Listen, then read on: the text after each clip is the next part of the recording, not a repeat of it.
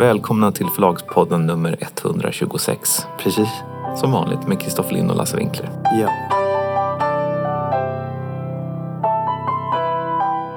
Vi har ju talat en hel del om print on demand i allmänhet och Lind Company satsningar i synnerhet. Och vi har berättat om att vi har haft en sån satsning på gång och det har, den har stannat av lite grann för hon som skulle jobba med den hoppade av. Men nu är vi på banan igen. Och eh, vi har gjort en oväntad upptäckt. Okej.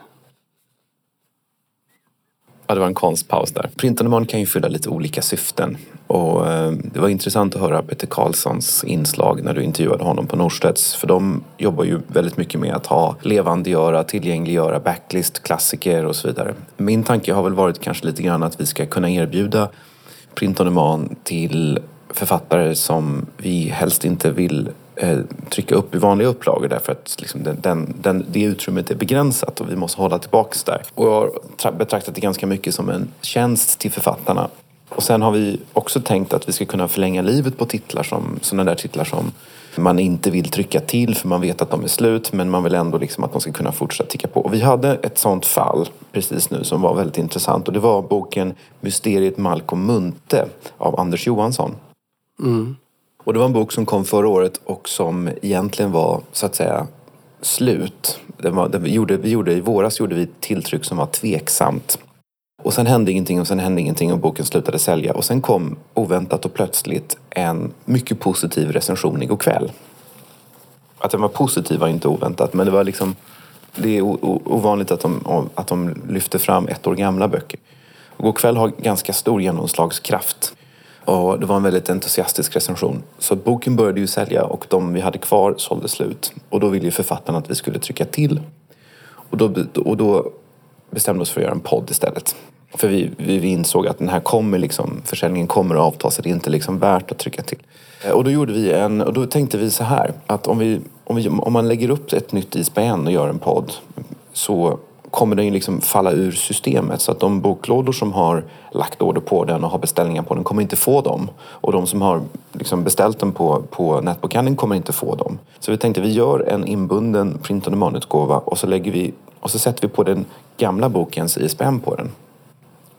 Det var, det var i alla fall min idé och det var så vi gjorde. Och Kajsa Wilén, vår redaktionschef, hon tyckte det här var närmast bedrägeri.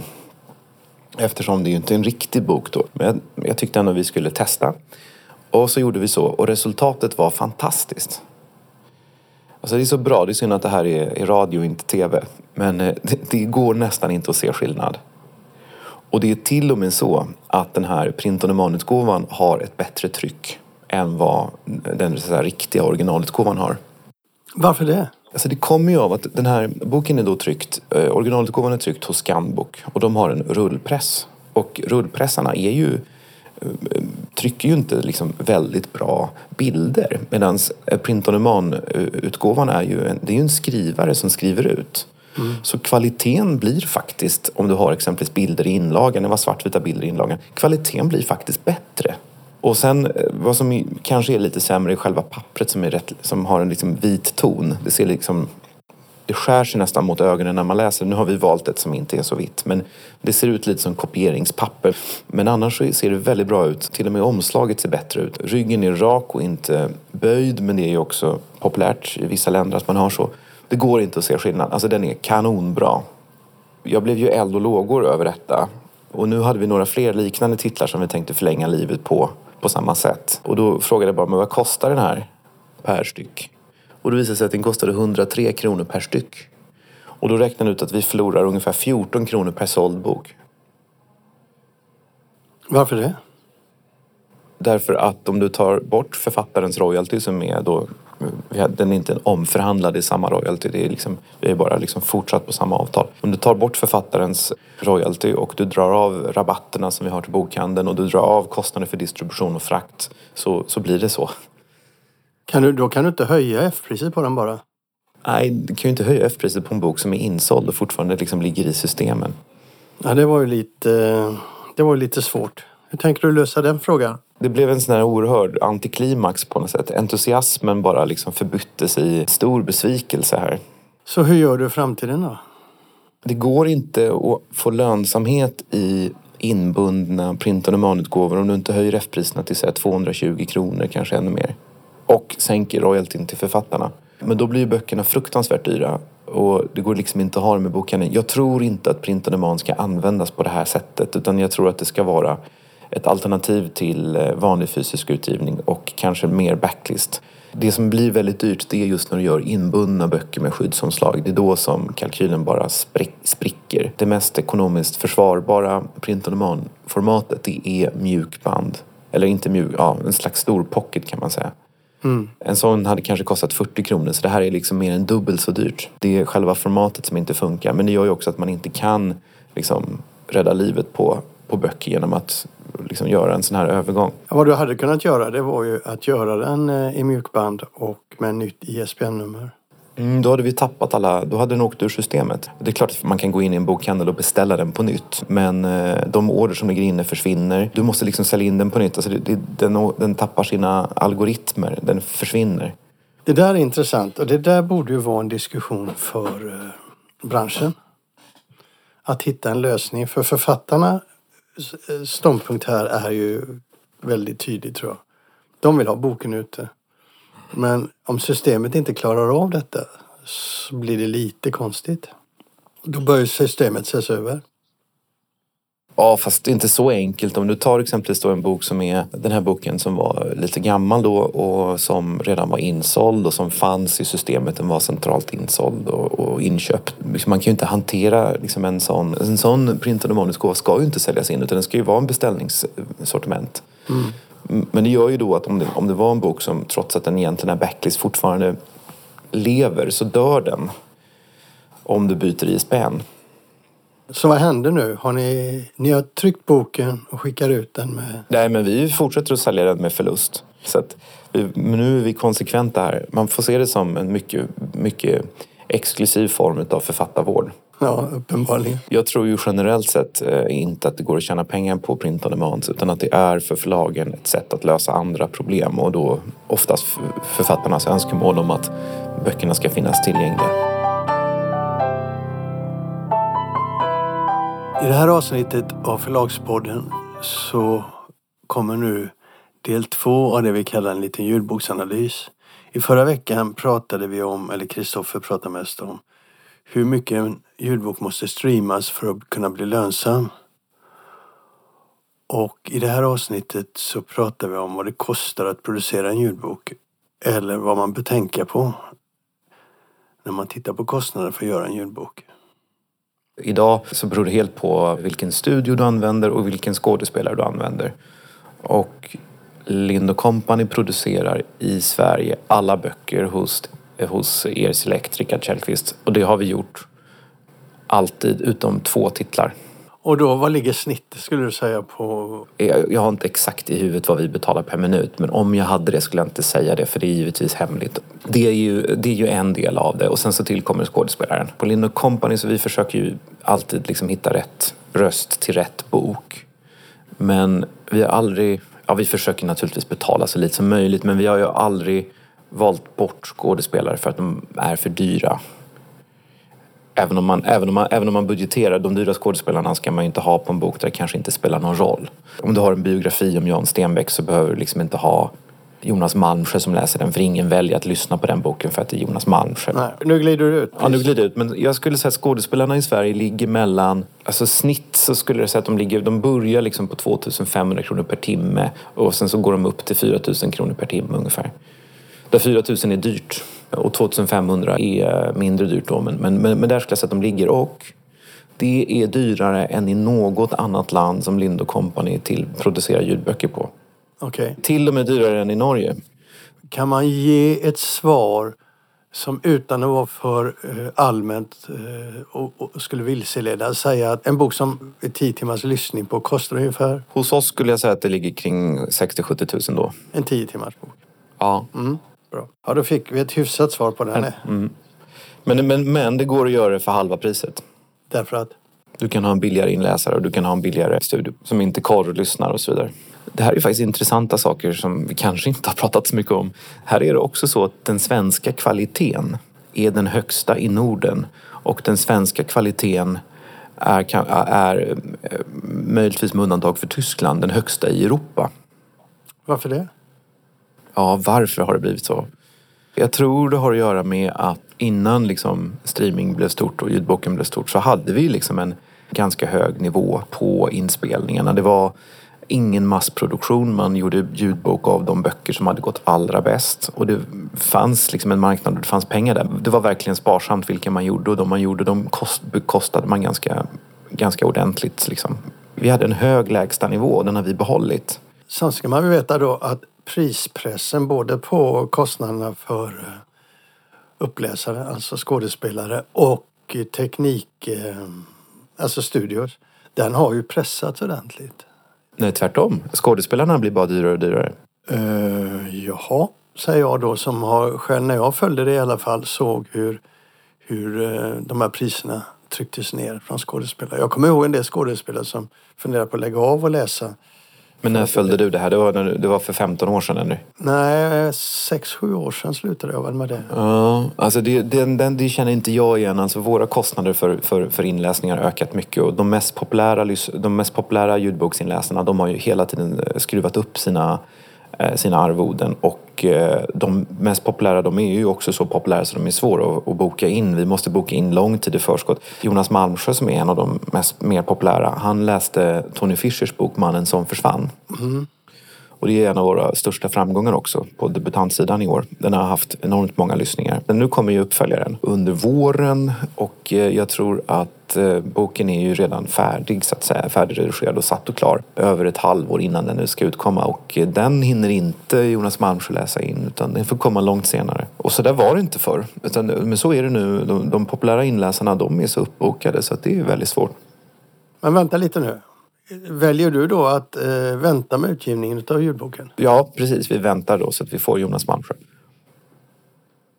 All right. Det har jag inte hört förut att man gör. Det beror väl lite på vem det är och vad det är för bok. och Så. Men i det här fallet så resonerar vi som så att eh, framgången var exceptionellt stor och vi vill inte bryta ett fungerande koncept. Och det är inte hela världen om, om eh, ljudboken kommer några månader efter den inbundna boken. Det vet vi av erfarenhet. Men jag tror att vi ska ta en liten grej till då runt det här med inspelning av ljudböcker. Därför att det finns, du säger att det är hög kvalitet. Men jag vet ju att det finns eh, strömningar och det finns eh, inspelningar som inte håller så hög kvalitet utan att nämna några namn här. Ja, Det finns de som är väldigt slarviga och inte till exempel lägger in något, något korr. Jag tror jag vet vilket förlag du syftar på men även de har, har höjt nivån lite, tror jag i alla fall. Men eh, sen kommer det ju nya aktörer som inte har så hög nivå. Men nivån i Sverige ligger väldigt högt. Och vi har ju två korrlyssningar på varje bok och Erselect har det. Och, eh, vi, vi använder väldigt bra inläsare. Eh, men om man man tittar lite på de andra nordiska länderna så har tidigare berättat att när vi började producera ljudböcker i Norge så hörde vi av oss till en av de mest populära norska inläsarna som också vunnit eh, ljudbokspriset massor av gånger. Han är att jämföra med Reine Brynolfsson eller, eller Jonas Malmsjö i Norge. Och då sa han till oss att han hade en egen studio. Och det tyckte vi var, eller han kunde spela in den själv, han hade liksom egna möjligheter att göra det. Och då gjorde han det. Och sen fick vi den och, och då sa vi, men den här är ju helt oredigerad, du har ju suttit hemma och tryckt på play. Och då sa han, ja. Och då sa, men, sa vi, men gör du så? Ja, sa han. Så. Och han har läst in liksom alla de stora. Jag vet inte om han har läst in Jon Nesbø, men han, han, är, han är en av de stora. Och det, var den, det var den nivå det var så att säga. Vi skickade ju den då till en studio för att mastra den och så. Men, men eh, vi, var, vi var väldigt förvånade och då satte ju Rickard Källqvist upp en studio i Norge för att spela in bland annat våra böcker. Och eh, skådespelarna blev ju kära i honom, precis som alla vi andra redan var. För att det var som, sånt bra stöd och liksom det var korrlyssningar och sådär. Sen, sen blev han ju bojkottad av Norge eftersom han var pestsmittad i samband med att han var förknippad med Lind Company. Men det var ju liksom en, en, en aha-upplevelse för oss att, att det var en sån skillnad mellan Sverige och Norge. Och nu har vi börjat göra nu har vi börjat göra danska ljudböcker och då är, då är det en ännu större aha-upplevelse. För att i, i Danmark så är de flesta vi hörde av oss till Storytel och de hade inte tid eh, att, producera ljudböcker åt oss. Så vi fick tips om lite olika studios. Och då visade det sig att eh, det vanliga i Danmark det är att skådespelarna har en, eh, precis som den här norska skådespelaren, de har en mikrofon hemma och sitter hemma och spelar in. Och eh, det är inga korrlyssningar utan det är liksom, de trycker på play och sen så är det det som kommer ut. Och i, Nor- i Danmark så är det bara de riktigt stora etablerade författarskapen som, som man bekostar liksom en, en riktig studio för. Så det är, där är skillnaden mellan Sverige och Danmark enorm. Fördelen är ju att det är väldigt billigt att producera böckerna där. Okej, det var frågan om hur, hur mycket en ljudbok kostar att producera och nästa vecka så tar vi den sista frågan då. Om Håkan Runes har rätt när han säger att eh, Nobelpristagare underpresterar i, eh, på ljudboksmarknaden. Eh, vad han egentligen menar med det, det är ju att eh, de fungerar inte riktigt bra eh, ekonomiskt.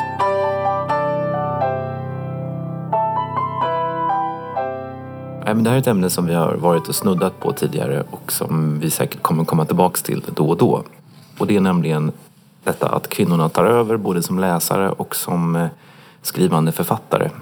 Och Åsa Bäckman hade en ganska bra krönika om det i DN för någon vecka sedan. Där hon just ställde sig frågan varför det är så, vad det kommer att betyda för litteraturen. Hon hade varit ute med eh, hunden tror jag och träffat en, eh, en manlig bekant efter Augustpriset. Och den här manliga bekanten hade frågat, är det bara, ska Augustpriset bara gå till kvinnor numera? Och han hade sagt att en, eh, en roman om Sylvia Plath trodde han inte att han orkade läsa. Hon menar på att han ändå då sätter fingret på någonting som är intressant, nämligen att inte bara det, att, att män läser mindre än kvinnor, så har det varit länge, men att männen nu verkar försvinna från från de som faktiskt skriver böcker och vinner priser. Och så gjorde hon en genomgång av, av eh, Augustpriset på 90-talet och det var en idel skara av välkända män som Sven Delblanc, Torgny Lindgren, P.O. Enquist och så vidare. Med bara två kvinnor som hade fått priset medan de senaste fyra åren har det gått till kvinnor. Mm. Så det är många som har pratat om det här. Ja, jag har sett många trådar på Facebook som har tagit upp den. Mm. Och så tänkte du, det här måste jag tillföra någonting. Utav min... Nej, jag skickade den till dig och sa det här kan vi ta upp om vi har något att tillföra. Med betoning på om. Ja, och, och, och så tänkte du på det själv. Jag har ju något att tillföra. Så tänker jag, jag lyssnar gärna till Kristoffer här. Så du kan ju börja. Nej, Vad men jag... Åsa Bäckman avslutar sin utmärkta text med att hon inte har något svar. Och jag har inte heller riktigt något svar. Och huvudfrågan är ju varför. Har, har, var, varför verkar, verkar männen försvinna både som läsare och som, som skrivande personer? Men eh, om man zoomar ut lite grann så tror jag att man kanske kan man, man kan, om man sätter in det här i liksom ett större sammanhang så kan man ju se att kvinnor tar över inom kultur och utbildning överhuvudtaget. Och det är inte någonting nytt. Och att männen har alltid läst mindre och männen har alltid läst mer fackböcker, lite mindre skönlitteratur. Eh, och att kanske har männen varit överrepresenterade och att det som vi nu ser är en, någon slags inte normalisering, men en, en slags liksom, det, det, det, här, det som vi ser nu, den kvinnliga dominansen vi nu ser, den återspeglar på ett mer rättvisande sätt vilka som faktiskt läser och skriver. Även om, även om eh, det inte förklarar fullt ut varför det har skett en så stor förändring. Framförallt så är det ju en, en kvinnlig dominans redaktionellt. Du har, du har ju inte lika, inte lika mycket eh, kvinnodominans på marknad eller ekonomi eller så. Men det är ju den redaktionella delen som vi också arbetar med innehållet. Kvinnor dominerar och kvinnor har eh, blivit väldigt, väldigt tydligt synliga på alla nivåer. Så är det ju. Eh, och vi har pratat om det då. Ehm, och det, är ju inget, det finns ju inga lätta svar varför de här förskjutningarna sker inom kulturen men också inom, ehm, ja, inom kulturen kan man säga. Jag har vet inga lätta svar men det motsvarar ju egentligen en större förskjutning i samhället där man tittar på utbildningar och sånt. Jo, men det är precis det som jag var inne på. Om vi, om vi tittar på Linn Company, vi har ju kanske 80 procent kvinnor som jobbar här. Och eh, om vi tittar på varifrån folk kommer som strömmar, strömmar hit så kommer de ju ofta från, från eh, de har läst förlagskunskap, kulturvetarlinjen eller någonting sånt. Och det är ju nästan bara kvinnor som gör det idag. Jag har ingen statistik på det men det känns ju av de som söker sig hit och de som hör av sig och vill jobba på förlag så är det ju 90 procent kvinnor. Ja, nej, det är ju ditt perspektiv som, som vi pratar om här egentligen. Så att eh, du ger henne rätt helt enkelt bara. Men du tror att det är en normalisering utav vad då? Jag, jag tror delvis att det är en norm, no- normalisering. Att det liksom mer på ett mer rättvisande sätt återspeglar vilka som faktiskt läser och skriver. Men det är ju utöver det så är det ju någonting annat också som har hänt som, som är lite mer svårt att förklara. Försök. Nej, jag vet faktiskt inte. Det, det, det blir så spekulativt. Vi får, vi får återkomma istället. Hon talar ju om, eh, om liksom Augustpriset och romanförfattandet men eh, man ser ju exakt samma trend inom eh, exempelvis deckarförfattarna. När jag var på Svenska Deckarakademin så var ett av seminarierna just var, handlade just om hur kvinnorna har tagit över. Svenska Deckarakademin som hade träff i Eskilstuna. Ja, för några veckor sedan. Ja, där var du. Och eh, innan Lisa Marklund kom och slog igenom så var det nästan uteslutande manliga deckarförfattare. Eh, Henning Mankell, Jan Guillou. Det var bara, eh, i stort sett bara män som skrev deckare. Eh, och så mycket så, så att Bertil Widerberg i Svenska Deckarakademin han eh, eh, lanserade ett pris för eh, kvinnliga deckarförfattare som kallas Polonipriset. Bara för att få fler kvinnor att skriva deckare. Mm. Och så kan man titta idag då. Jag, jag hade ett resonemang som jag skulle knyta ihop och det var att Eh, idag är det då nästan uteslutande kvinnor som, som eh, eller en väldig dominans av kvinnor som, som eh, blir nominerade till priset och som skriver och som, som, som ligger på topplistorna och så vidare. Och jag har en, har en, en teori lite grann om, om varför och det är att man gärna läser kvinnor gärna läser kvinnliga författare men gärna läser manliga författare. Man jag upplever att idag mer än tidigare så läser man för identifikation och igenkänning snarare än för någonting annat.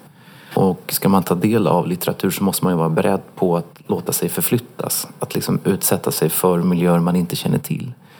Men min erfarenhet som förläggare de senaste åren är ju att folk... Det här igenkänningsfaktorn är så otroligt stark.